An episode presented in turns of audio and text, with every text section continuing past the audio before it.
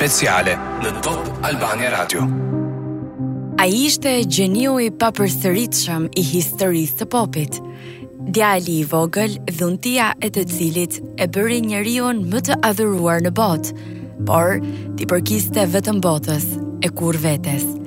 Ai konsiderohet një figurë tragjike, një figurë pas së cilës u afeksionuan gjenerata e miliona njerëz, që më shumë sesa admirues e fansa, ngjanin si dishepuj të një idhulli, ku fati i të qenurit Michael Jackson i kushtoi vetë jetën. Neverland nuk ishte shtëpia e tij, por një ëndërr që mbartte ëndrra fëmijërie. Fëmijëri të cilën Michael Jackson e kërkoi deri në frymën e fundit, pasi periudha më e çmuar e jetës iu vodh. Ndoshta me qëllim apo jo, por një gjë është e sigurt. Një talent i atij kalibri, e i perfeksionuar deri në të paimagjinueshmen njerëzore, i mori në këmbim vitet e dëlirësisë të cilat Michael do të donte t'i kthente me çdo çmim. Nëse do më duhej ta përshkruaja me një fjalë, ajo do të ishte definitivisht Sad, i trishtë. Mund t'ia lexosh lehtë edhe në intervistat që pranon se është i lumtur me karrierën e arritjet. Mund ta dallosh në sytë e tij, në zërin e brishtë që nuk dallon shumë nga ai i një fëmije, por pa dyshim, edhe nga herët që ai e quan veten sad, me apo pa vetëdije.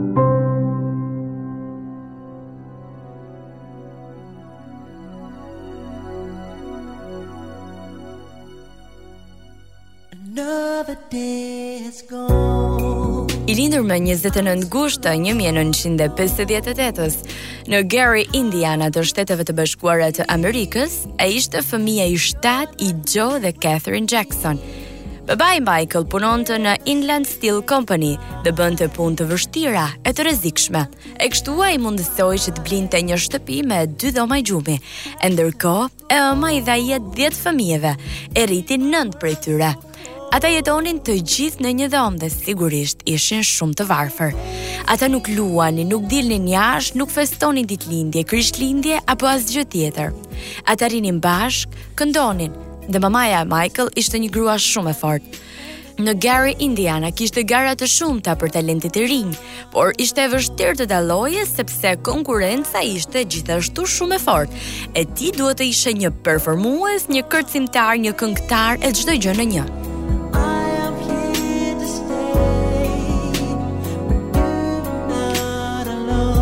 Nisur nga ëndrrat e parealizuara të atit të tyre për t'u bërë kitarist i madh, Joe Jackson krijoi Jackson 5, ku vëllezërit Jackson performonin teksa Michael ishte vetëm 5 vjeç dhe ishte performuesi më i mirë.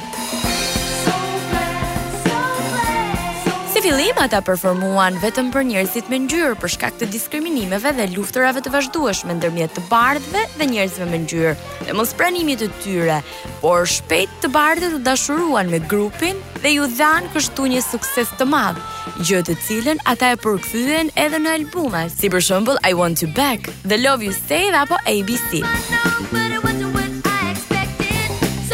Grupi u bë shpejt i njohur dhe performancat e tyre me kërcim e këndim u shndërruan në një sukses të madh, i cili po përkthehej edhe në të ardhura. Ata praktikoheshin pa fund nën tutelën e menaxhimit të babait të tyre. Joe ishte më shumë se i vendosur që t'i nxirrte fëmijët e tij nga varfëria. E për këtë do të justifikonte edhe sjelljet më abuzive ndaj Michael, kur ai ishte vetëm 6 vjeç. Pas asaj buzëqeshjeje të pastër në skenë, Michael jetonte nën terrorin e dhunës së të atit. U deshën dyzet vite, që ai të pranonte hapur të vërtetën e madhe për të gjithë dhunën dhe torturat që Joe kishte ushtruar mbi të. Ai e humbte toruan, unë mbaj mend mamanë time teksa ulëriste duke thënë, "Të lutem, sepse do ta vrasësh, të lutem, të lutem, do ta vrasësh, ndalo." Unë vrapoja aq shpejt sa ai mbase s'më kapte dot. Po kur më kapte, o Zot, ishte shumë keq, me të vërtetë shumë keq. shprehet Michael Jackson në intervistën e tij me Oprah Winfrey.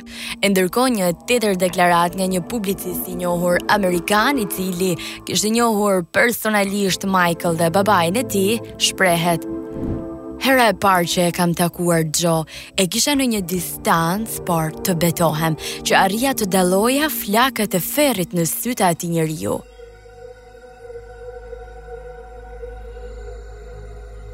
Të paktën në Shqipëri vetëm kohët e fundit me zhvillimin teknologjik po jepet mundësia e të kuptuarit që dhuna, veçanërisht ajo ndaj fëmijëve, nuk është mjet edukimi, por degradimi dhe trauma të cilat shumë fëmijë i marrin me vete në çdo etapë të jetës. e deri në plakje, duke shënjuar kështu vetë jetën e tyre. E jo më kot e them këtë, duke qenë se mënyra e rritjes, edukimit dhe të punuarit të Michael Jackson e bëri atë që të mos shërohej kurrë nga traumat e fëmijërisë. Goditjet, izolimi dhe puna e jashtëzakonshme e shndërroi fëmijërinë e Michael në një burg. Ai nuk arriti ta falte kurrë plotësisht babain e tij, duke qenë se edhe në testament, i ati nuk përmendet askund. Ai ia la çdo gjë nënës dhe tre fëmijëve të tij. What about sunrise? What about rain? Edhe pse koha i mundësoi arratinë graduale nga babai, ai kurrë nuk u arratis dot nga fëmijëria. Edhe pse në të dyzetat, ai e cilësonte gjithmonë veten si artistin e vetmuar e të izoluar dhe shpesh të pamatur duke kërkuar kështu që publiku mos ta gjykonte. Edhe si i rritur ai s'do të rritej kurrë, duke dashur kështu ta rrethojë veten me fëmijë, e duke ëndërruar të kurojë plagët e fëmijës brenda tij.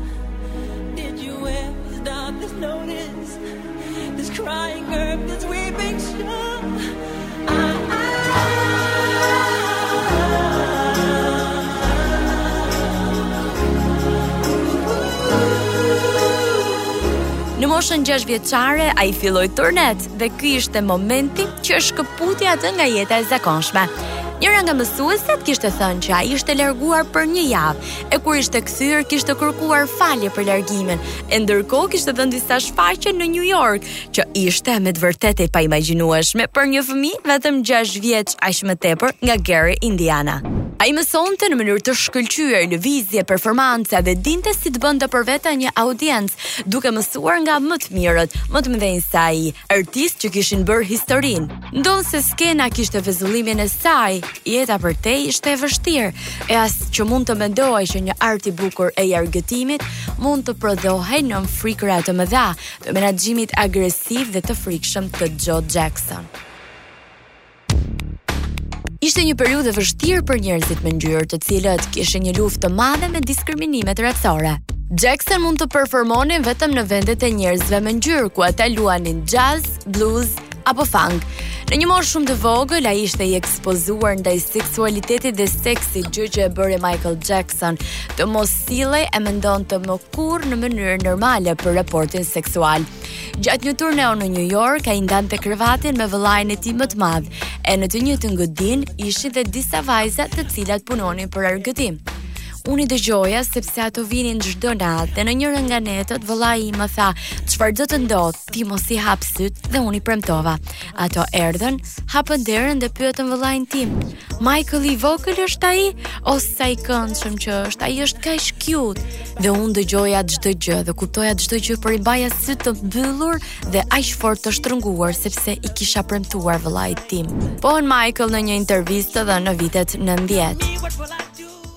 Një mijë e nëntëqind e gjashtëdhjetë e shtatë, Jackson fitoi një dhuratë prej 500 dollarësh. Joe hoqi dorë nga puna e tij ndërkohë Jackson firmosën kontratën e tyre të parë me Steeltown Records dhe singli i parë ishte Big Boy, teksa Michael ishte 9 vjeç. E teksa suksesi i tyre rritej, ata firmosën një kontratë shumë të rëndësishme që do t'i jepte një tjetër kthesë karrierës dhe famës së Jackson 5.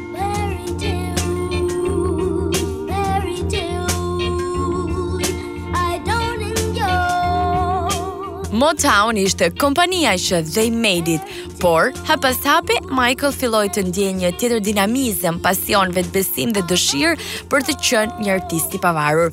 Në moshën 18 vjeçare, ai u nda nga grupi për t'u bërë pjesë e një tjetër kompanie regjistrimesh, ndonëse kjo në fillim nuk u prit aspak mirë nga vëllezërit e tij, të cilët nuk e prisnin të ashtuquajturën tradhti sipas tyre.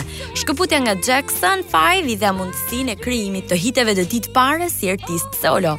Edhe pse tashmë ai ishte realizues i sukseseve, ai ishte si një fëmijë. Nëse merrte një kuti, do ta hapte në atë mënyrë që do të rrëzohej çdo gjë jashtë saj, dhe kjo mund të pritej nga një fëmijë 4 vjeç. Pas një ftese për një rol në The Wiz, një film i cili do të realizohej dhe do të luhej në New York, ai la familjen e tij në Los Angeles, gjë e cila s'u prit aspak mirë prej tyre. Joe e ndieu kërcënimin, e duke i treguar që ata ishin një familje e duhet të përfundonin si të tillë. Çdo ditë në The Wiz ishte një magji e re që Michael sillte. Përgjatë xhirimeve ai takoi producentin, i cili do t'i ndryshonte përgjithmonë jetën dhe karrierën, Quincy Jones. Kimia e tyre ishte e menjëhershme. Mund ta shihja në sytë e Quincy. Ishte e njëjta mënyrë si një leopard sheh një dhi të vogël. shprehet Rob Cohen, producenti ekzekutiv në Motown Records. Në periudhën e xhirimeve ai jetonte në një apartament i vetëm pranë Central Park, New York.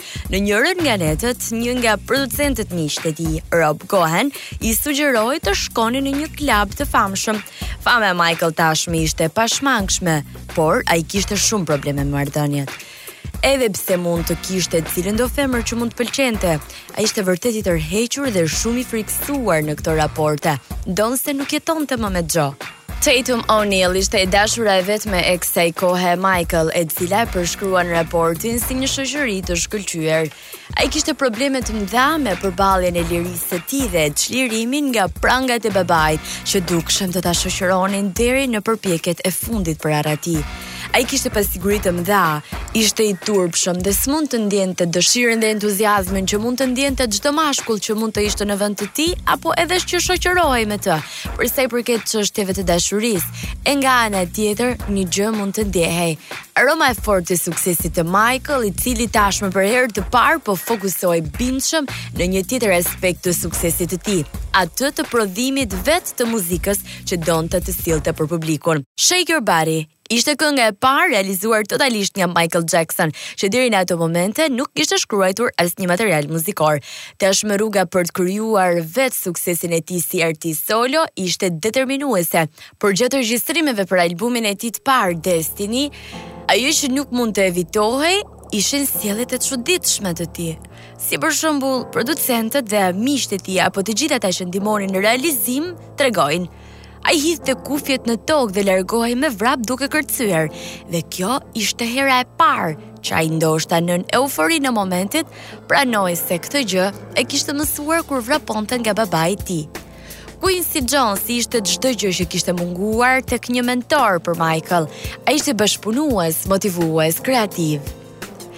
Off the Wall, albumi i pestë i Michaelit realizuar më 10 gusht të 1979-ës, i pari në bashkëpunim me Quincy Jones, siguroi mbi 20 milion kopje të shitura dhe miliona dollarë. Në Grammys të 1980-s, Off the Wall ishte nominuar vetëm dy herë, e kjo për shkak se lufta racore ishte ende një problem shumë i madh në karrierën e artistëve, por absolutisht edhe të Michael, i cili e vuante shumë këtë diskriminim. Ai mori vetëm një çmim në American Music Awards si Favorite R&B Soul Album, por humbja në Grammys ishte një moment që e groposi Michaelin emocionalisht dhe shpirtërisht, duke e kthyer edhe një herë në shtëpinë e tij Jackson, ku për ditë të tëra ai nuk lëvizi nga krevati tejet i pikëlluar.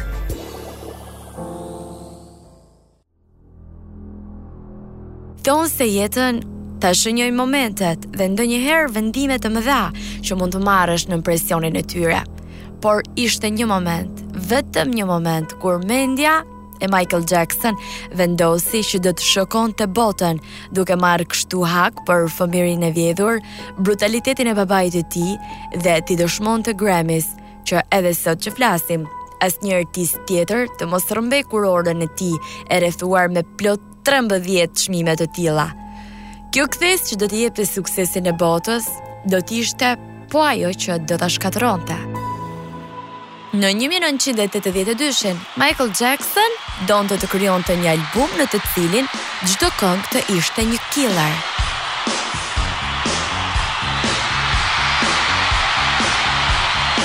Billie Jean, kënga e dytë nga albumi Thriller, këngë në të cilën detajet e kërcimit apo edhe vetë fabula e saj janë dëshmi të mëdha për Michael dhe mënyrën se si ai ëndërronte e jetonte. Kënga flet për një fanse të fandaksur ndaj tij dhe që pretendon se ka një fëmijë me të. Do të ishte performanca e Billie Jean dhe kërcimi Moonwalk që do të ngjallnin një reagim surreal në audiencë, por edhe pas këtij suksesi dhe feedback-ut të pakontestueshëm, Michael Jackson do të vuante sërish nga imperfeksione që vetëm ai mund t'i shihte. të fiksohej në to dhe të gjente me patjetër një formë perfeksionimi të tyre. Thriller po dukej paksa i hijezuar, kështu që ai krijoi idenë e videoklipeve, të cilat kishin në kontent demonë apo figura mistike e të ndaluara nga feja, ku mamaja e tij e kishte rritur me një frymë të madhe të dashurisë fetare, e kjo nuk dukej aspak një rastësi.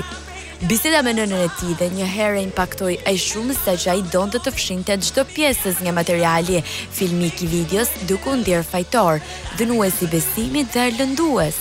Por producenti i tij, bashkëudhëtari dhe firma e suksesit, Quincy Jones, edhe një herë tjetër dha zgjidhje e nuk e lejoi një gjë të tillë të ndodhte. Ai e zgjidhi fare mirë me një shënim në fillim të videos teksa vetë Michael Jackson tregonte për përmbajtjen me asnjë nënkuptim fetar apo cenues të videos dhe Taram! Kjo ishte! Thriller pushtoi klasifikimet botërore, por jo vetëm. Ai rezultoi të ishte vërtet një demon i dështimit apo monotonisë së popit deri në atë moment, duke standardizuar muzikën e duke pjedestalizuar një ikonë që po marroste botën nëpër koncerte, ture e numra shitjesh.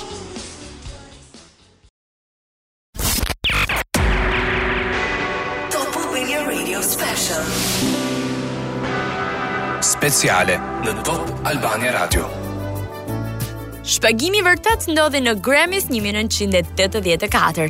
Ai fitoi 8 çmime përfshirë dhe albumin e vitit dhe nuk dinte as çfarë të thoshte në fjalimet e tij, por vetëm faleminderit, ju dua shumë. Ai u bë artisti më i suksesshëm dhe me më shumë të ardhura se çdo artist tjetër që nga koha Elvis Preslit, por, siç shprehet edhe Susan Blond, personalitet në marrëdhëniet me publikun, ai ishte publik 24 orë, nuk mendoj që ekzistonte një njeri i brendshëm në të.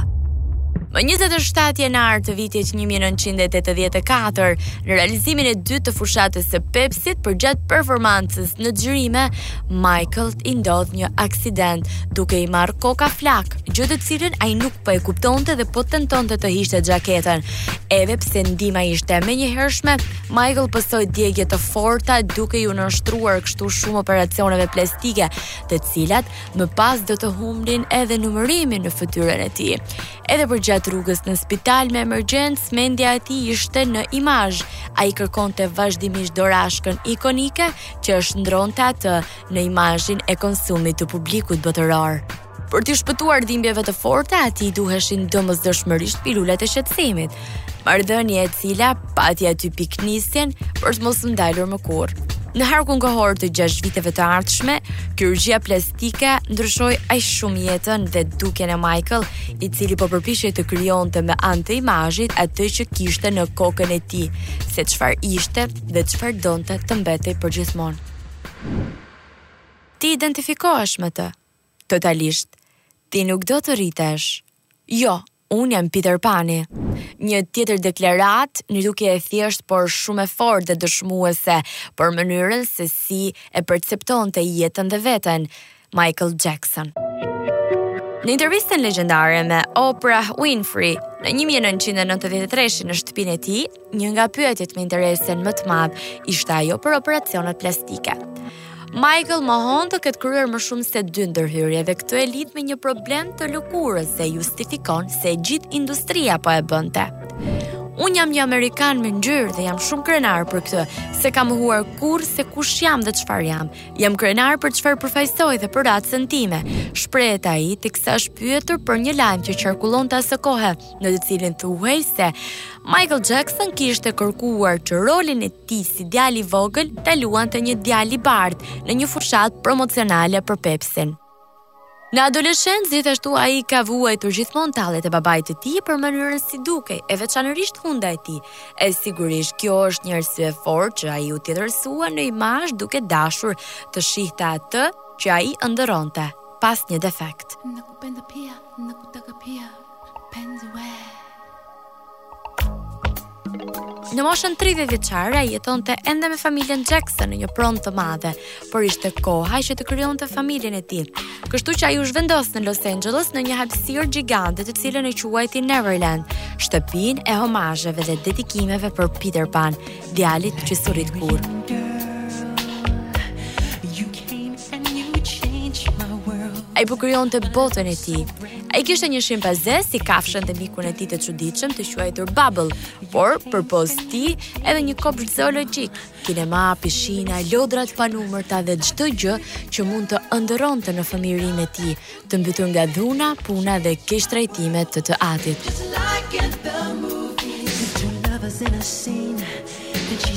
Ai e përshkruan veten si njeriun më të vetmuar në planet. Kështu që ai ftoi fëmijë me pamundësi ekonomike të sëmurë dhe që dëshironin aq shumë së bashku me familjet e tyre të vinin të jetonin në Neverland. Ai realizonte sleepovers me fëmijë, e kështu nuk do të ndjej vetmuar duke kujtuar kohët që flinte me vëllezërit e tij të gjithë në një dhomë. por tashmë ai ishte në një kohë ku kishte shkëputur marrëdhëniet me babain e tij, i cili edhe nëse kishte qenë brutal me të, të paktën e kishte ndaluar të kryente veprime të pamenduara mirë. E as me Quincy Jones, që gjithashtu, nëse do duhej, t'i jepte një orientim drejt zgjedhjeve të duhura.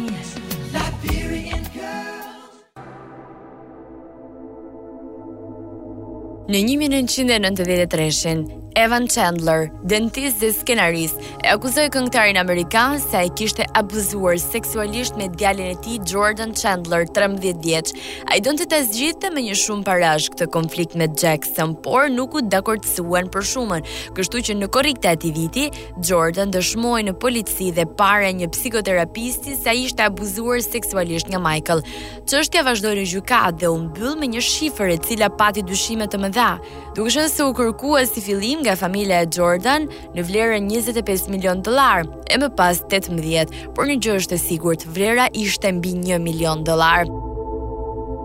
Evan Chandler vrau veten pak kohë pasi Michael Jackson vdiq, e si shkak ishte Fakti që ai ndjehej fajtor për barrën e mashtrimit përkundrejt një figure si Michael Jackson, të paktën kështu është deklaruar.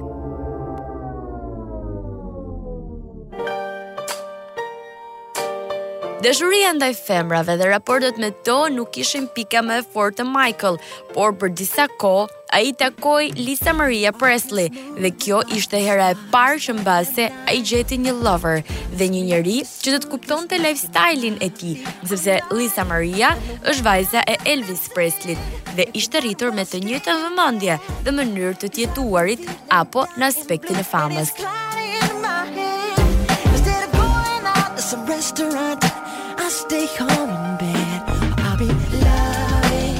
Çështja me fëmijët filloi të merrte një zjarr i cili me flakët aq shpejt të përhapura dogji deri në fund madhështinë e karrierës, shpirtit dhe jetën e vetë të pakrahasueshmit Michael Jackson.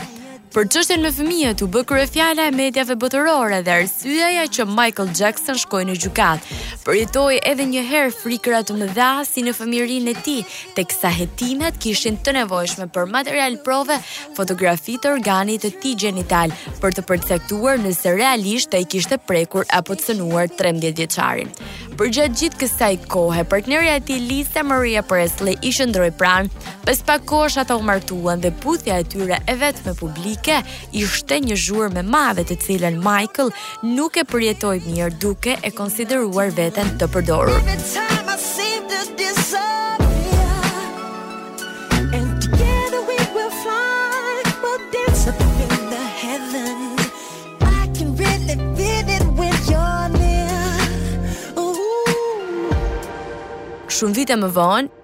pasi kishin mjaft kohë të ndarë në një intervistë ekskluzive për Oprah Winfrey e pyetur nëse ata kishin patur një raport të vërtetë dashuror, pra me marrëdhënie intime, ajo e pohoi një raport të tillë, ndonëse përgjigja linte shumë hapësira për aludim. Ndarja e tyre erdhi si pasojë e takimeve të fshehta që Michael kishte sërish me fëmijë, apo pushimeve me dy prej tyre. E padyshim kjo ishte patolerueshme për raportin dashuror sepse ai nuk do arrinte Kurrë ta donte aq sa fëmijët që e rrethonin. Edhe një herë tjetër dëshpërimisht Michael mbeti vetëm, i trishtë. Një infermiere me të cilën ai ishte sjellë shumë mirë, ndihmësja e mjekut të tij kryesor në operacionet plastike. Debbie Rowe i dha një ofertë të cilën ai nuk e refuzoi. Ta bënte prind. Ata u martuan dhe sollën në jetë dy fëmijë, Prince dhe Paris Jackson. ku Debbie Rowe ishte nëna surrogate. Në vitin 1999 ata u ndanë. Michael u bë me një tjetër fëmijë, Prince Michael Jackson II, nëna e të cilit s'u bë kurrë e njohur, por në një intervistë ajo është shprehur se kushtet e vetme që kishte për nënën surrogate ishin që ajo të ishte e shëndetshme dhe inteligjente. Daljet publike me fëmijët e tij ishin të mbrojtura duke ruajtur totalisht të fshehtë identitetin e tyre nëpërmjet maskave. Ai kishte mjaft kohë për t'ia dedikuar fëmijëve, duke qenë se ishte në vitin e tij të nëntë pa një turne e gjithashtu shumë vite pa sjellë një album të ri. Mediat e kishin në mënyrë të vazhdueshme në qendër të tyre me lajme herë të vërteta, herë gjykuese e herë lënduese. Të paktën kështu shprehet Jackson pothuajse në çdo herë që ka folur për to. Një tjetër veprim që u gjykua dhe u komentua pafund si pamaturi nga ana e tij, ishte momenti kur nga dhoma e një hoteli, mijëra fansa dëshironin të shihnin atë së bashku me të voglin e tij, Prince Michael Jackson 2. Dhe ai del në ballkon, por mënyra si e mban beben në duart e tij aq pranë ballkonit që rrezikonte rënien, qarkulloi edhe një herë idenë se vetë Michael Jackson kishte nevojë për një prind.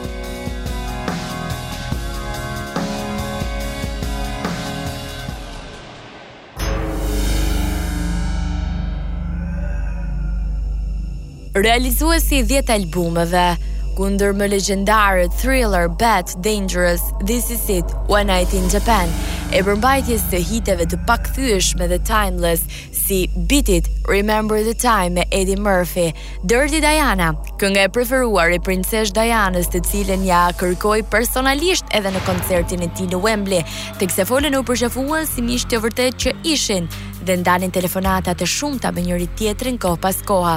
They don't care about us, Billie Jean, The way you make me feel, apo dhjetëra të tjera të cilat e bënë fituesin e miliarda zemrave.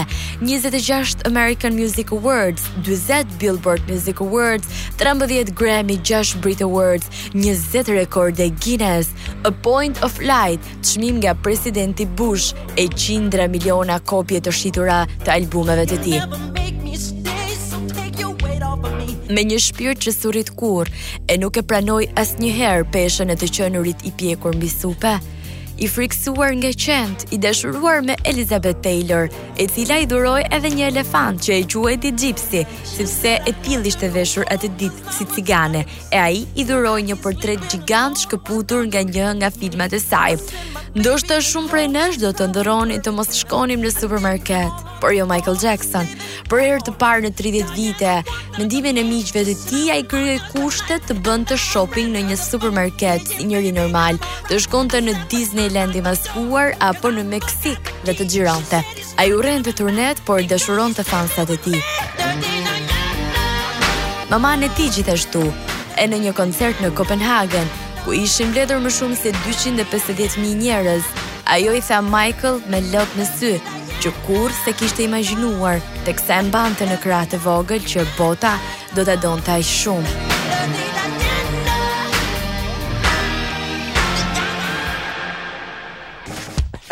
Miliona dollar të investuara në bamirësi, të tjera gjyqe për të tjera akuza, të cilat ndiqnin njëra-tjetrën dhe një gjykim publik masiv për pedofili, vazhdonin të rëndonin jo vetëm në imazhin publik të ikonës botërore të popit, por më shumë në brendinë e tij, ku çdo ditë më shumë forcat po e linin, e dukej se zgjidhja e vetme ishin pilulat e forta kundra dhimbjeve e mungesës së gjumit.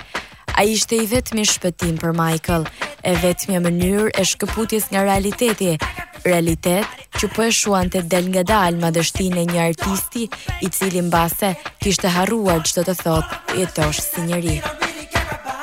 Më 25 qershor të 2009-ës, në moshën 50-vjeçare, ai ndërroi jetë si pasojë e arrestit kardiak, shkaktuar nga mbidoza e propofol dhe benzodiapezinë, dhënë nga mjeku dhe fizikanti i tij personal, Conrad Murray, që jepte kombinime të vazhdueshme medikamentesh që ai të flinte, por fatkeqësisht doza e 25 qershorit rezultoi fatale. Bota humbi fizikisht mundësinë për të parë e prekur nga afër koncertet e një gjeniu, e një mekanizmi robotik që prodhonte lëvizje e emocione, që bënte qindra njerëz të qanin, të humnin ndjenjat e të afeksionoheshin pas tij, sikur historia s'do të njihte një të dytë, por arti i tij do të jetojë në çdo kohë, në çdo gjeneratë dhe në genet që la pas përpos muzikës, në çdo vend që ka prekur, në çdo notë që ka luajtur, sepse ti vdes, vetëm kur nuk të kujton askush, edhe në qofsh gjallë, por Michael Jackson jeton në dimensionet e botës së tij, që ia dhuroi botës tonë.